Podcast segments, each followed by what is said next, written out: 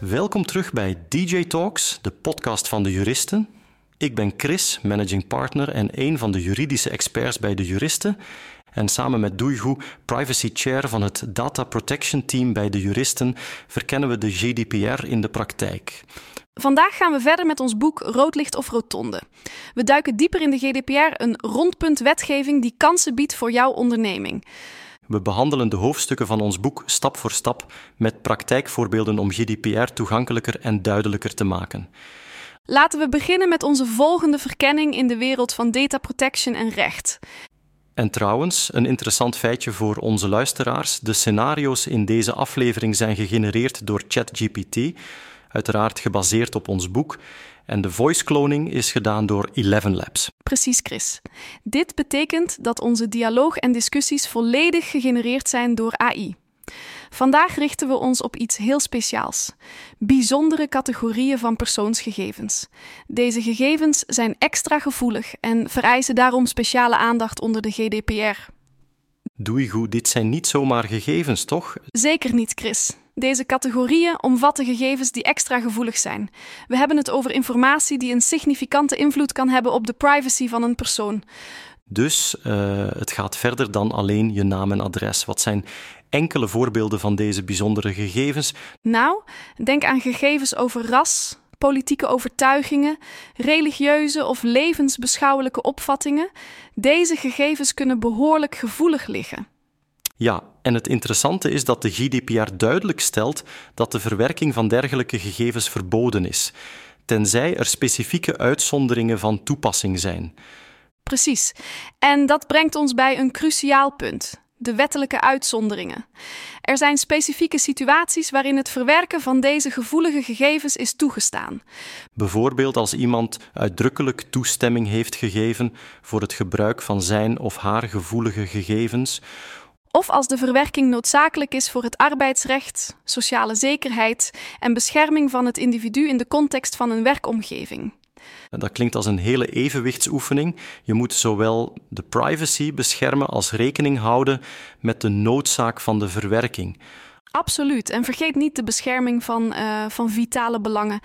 In noodsituaties kan het verwerken van deze gegevens immers cruciaal zijn. Uh... Dus als iemand niet in staat is om toestemming te geven, bijvoorbeeld in een medisch noodgeval, dan mag je deze gegevens toch verwerken om hem of haar te beschermen.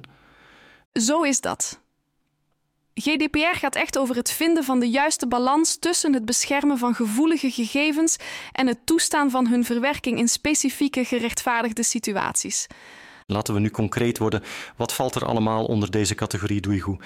Nou, Chris, de lijst is best specifiek. We hebben bijvoorbeeld gegevens over ras of etnische afkomst. Dit zijn niet de dingen die je in een casual gesprek deelt precies, of denk aan politieke opvattingen, uh, religieuze overtuigingen of zelfs je lidmaatschap van een vakbond. Die kunnen best gevoelig liggen in sommige kringen. En laten we gezondheidsgegevens niet vergeten. Dat is een breed begrip. Zelfs iets simpels als zeggen dat je gezond of ongezond bent, zou hier dus eigenlijk onder vallen. Uh, Zo, dus als ik zeg ik voel me vandaag geweldig, deel ik in feite een bijzonder persoonsgegeven. Technisch gezien ja, maar denk ook aan genetische gegevens of biometrische gegevens, zoals vingerafdrukken of irisherkenning. Die zijn echt wel super persoonlijk. Klinkt als science fiction, maar het is echt onze realiteit. En natuurlijk, ook gegevens over seksueel gedrag of voorkeur en zelfs strafrechtelijke veroordelingen vallen hieronder. Het is alsof je je hele levensverhaal deelt, alleen uh, door deze gegevens te verstrekken. En hoewel bijvoorbeeld bankkaartgegevens dan weer niet in deze lijst staan, moeten we eigenlijk steeds voorzichtig zijn met alle persoonsgegevens. Over biometrische gegevens gesproken, doe je goed. Deze omvatten zowel fysieke als gedragsgerelateerde kenmerken. Denk aan irisherkenning, vingerafdrukken, maar ook unieke toetsenbord- en muispatronen. Precies, Chris. Um, deze gegevens zijn uniek voor elk individu, waardoor ze extra gevoelig zijn. De GDPR en de Gegevensbeschermingsautoriteit benadrukken dat juist vanwege hun unieke en onvervangbare aard. Dat maakt het gebruik ervan in bedrijven behoorlijk ingewikkeld. Je kunt niet zomaar werknemers onderwerpen aan biometrische procedures voor toegang tot computers of lokalen. Inderdaad. En als een bedrijf besluit om biometrische identificatie te gebruiken, dan moeten ze kunnen aantonen dat ernstige redenen dit rechtvaardigen. Een minder ingrijpend alternatief krijgt altijd de voorkeur. Het gaat dus echt om het vinden van een balans tussen beveiliging en privacy.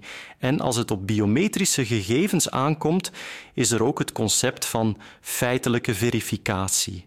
Dat klopt, Chris.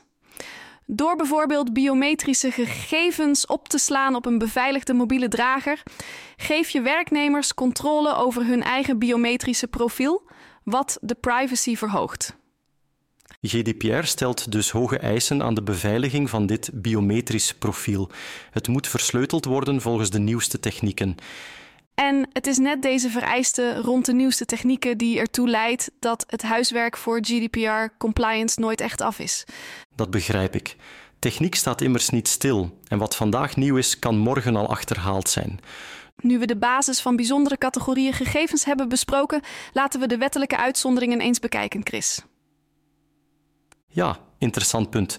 Een van de uitzonderingen is wanneer de betrokkene expliciet instemt met de verwerking van zijn of haar gevoelige gegevens. Precies, en een andere belangrijke uitzondering is wanneer de verwerking noodzakelijk is binnen het arbeidsrecht, zoals voor werknemersgegevens in relatie tot hun sociale zekerheid. En dan hebben we de bescherming van vitale belangen. Dit kan van toepassing zijn in noodgevallen waarbij iemand fysiek of juridisch niet in staat is toestemming te geven. Organisaties die actief zijn op politiek, levensbeschouwelijk of godsdienstig gebied kunnen ook gevoelige gegevens van hun leden verwerken, maar ze mogen deze niet zonder toestemming delen met derden. Maar we mogen niet vergeten dat, naast deze wettelijke uitzonderingen, we ook nog steeds een normale rechtsgrond nodig hebben, zoals we in de vorige aflevering hebben besproken. En natuurlijk, als de verwerking noodzakelijk is voor rechtsvorderingen of in het kader van gerechtelijke procedures, valt dit ook onder de uitzonderingen. We zien ook uitzonderingen voor verwerking in het algemeen belang, zoals voor volksgezondheid of voor preventieve of arbeidsgeneeskunde. En laten we de archivering in het algemeen belang niet vergeten of voor doeleinden van wetenschappelijk of historisch onderzoek.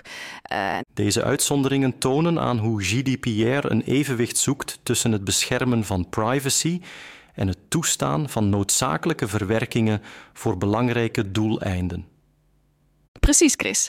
Het draait allemaal om het zorgvuldig en verantwoordelijk omgaan met persoonsgegevens, rekening houdend met zowel de privacy van individuen als de bredere behoeften van de samenleving. Doe je goed? Naast de bijzondere categorieën persoonsgegevens zijn er ook specifieke regels voor persoonsgegevens betreffende strafrechtelijke veroordelingen en strafbare feiten. Laten we die eens nader bekijken. Goed punt, Chris. Deze gegevens mogen alleen worden verwerkt onder bepaalde voorwaarden, zoals vastgesteld in de GDPR. Bijvoorbeeld, ze kunnen worden verwerkt door natuurlijke personen of rechtspersonen voor het beheer van hun eigen geschillen. Precies, en advocaten of andere juridische adviseurs mogen deze gegevens verwerken voor zover dat nodig is voor de verdediging van de belangen van hun cliënten. Er is ook een uitzondering voor verwerkingen die noodzakelijk zijn om redenen van zwaarwegend algemeen belang, zoals vastgesteld door de wet. En voor wetenschappelijk, historisch of statistisch onderzoek of voor archiveringsdoeleinden. Dit zorgt ervoor dat belangrijk onderzoek en historische documentatie kunnen doorgaan. Een andere belangrijke uitzondering is wanneer de betrokkenen uitdrukkelijk schriftelijke toestemming heeft gegeven voor de verwerking van deze gegevens voor specifieke doeleinden. Laten we toch eens proberen om enkele concrete voorbeelden te bespreken van hoe deze wettelijke uitzonderingen kunnen worden toegepast. Goed idee, Chris. Laten we beginnen met een scenario in de context van werkgelegenheid. Een werkgever zou etnische gegevens kunnen vragen als onderdeel van een aanwervingsprocedure, maar alleen als er een wettelijke verplichting is in zaken diversiteit.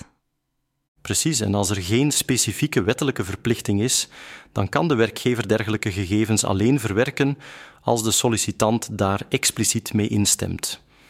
Een ander interessant voorbeeld is het gebruik van vingerafdrukidentificatie in kerncentrales. Dit zou kunnen worden gerechtvaardigd door de noodzaak van het algemeen belang, zoals de preventie van kernrampen. Dat toont aan hoe belangrijk de context is bij het bepalen of een verwerking gerechtvaardigd is.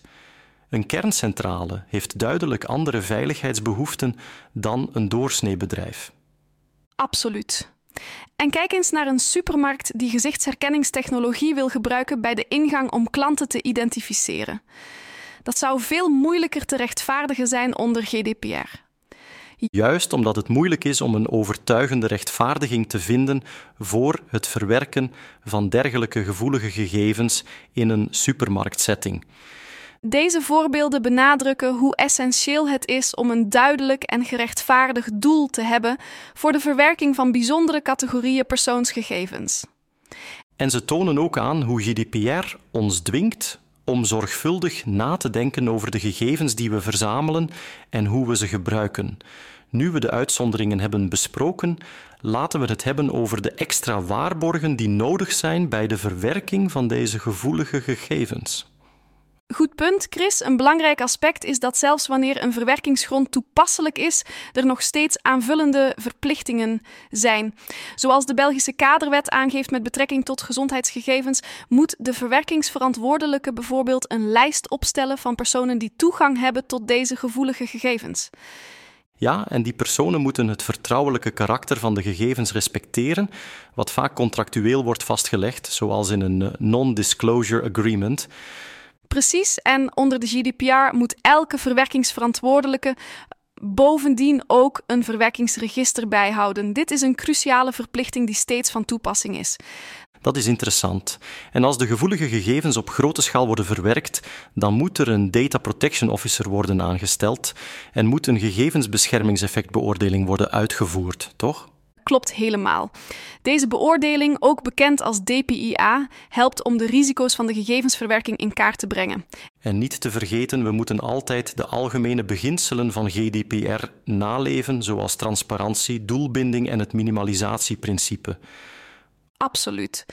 Het naleven van deze principes is essentieel, ongeacht of de gegevens gevoelig zijn of niet. Dit alles toont aan hoe grondig GDPR de bescherming van persoonsgegevens benadert. Dat brengt ons bij het einde van deze aflevering over de bijzondere categorieën persoonsgegevens en de wettelijke uitzonderingen onder de GDPR. Het was een boeiende reis door enkele van de meest gevoelige aspecten van gegevensbescherming. Absoluut, Chris. Uh, we hebben gezien hoe belangrijk het is om een evenwicht te vinden tussen het beschermen van persoonlijke informatie en het mogelijk maken van noodzakelijke verwerkingen voor legitieme doeleinden. Deze discussie benadrukt het belang van het begrijpen van de nuances van GDPR. Het is niet alleen een kwestie van het volgen van regels, maar ook van het begrijpen van de geest achter de wetgeving. En laten we niet vergeten dat naast het naleven van specifieke regels voor gevoelige gegevens, we ook aandacht moeten besteden aan de algemene beginselen van de GDPR, zoals transparantie, doelbinding en gegevensminimalisatie. Het is duidelijk dat GDPR vereist dat we zorgvuldig en verantwoordelijk omgaan met alle soorten persoonsgegevens. Het is een continue uitdaging, maar ook een kans om privacybescherming te verbeteren. We hopen dat deze aflevering je meer inzicht heeft gegeven in de complexiteit van GDPR en hoe dit invloed heeft op zowel individuen als bedrijven. Onthoud dat gegevensbescherming iedereen aangaat. En in onze volgende aflevering gaan we dieper in op de concepten van pseudonymisering, encryptie en anonimisering. Deze technieken spelen een cruciale rol in het beschermen van persoonsgegevens onder de GDPR. We zullen het hebben over hoe deze technieken bijdragen aan het verminderen van privacyrisico's en hoe ze helpen om persoonsgegevens op een veilige en verantwoorde manier te verwerken. Het wordt een interessant gesprek over de balans tussen gegevensbescherming en het gebruik van geavanceerde technologieën om de privacy van individuen te waarborgen. Vergeet niet ons te volgen op sociale media voor meer inzichten en updates. Je kunt ons vinden onder de naam De Juristen op Instagram en LinkedIn. Bedankt voor het luisteren en tot de volgende keer. Als je vragen hebt, stuur ons een bericht op halloatdejuristen.be. We helpen je graag verder. Welcome to the data protection hour.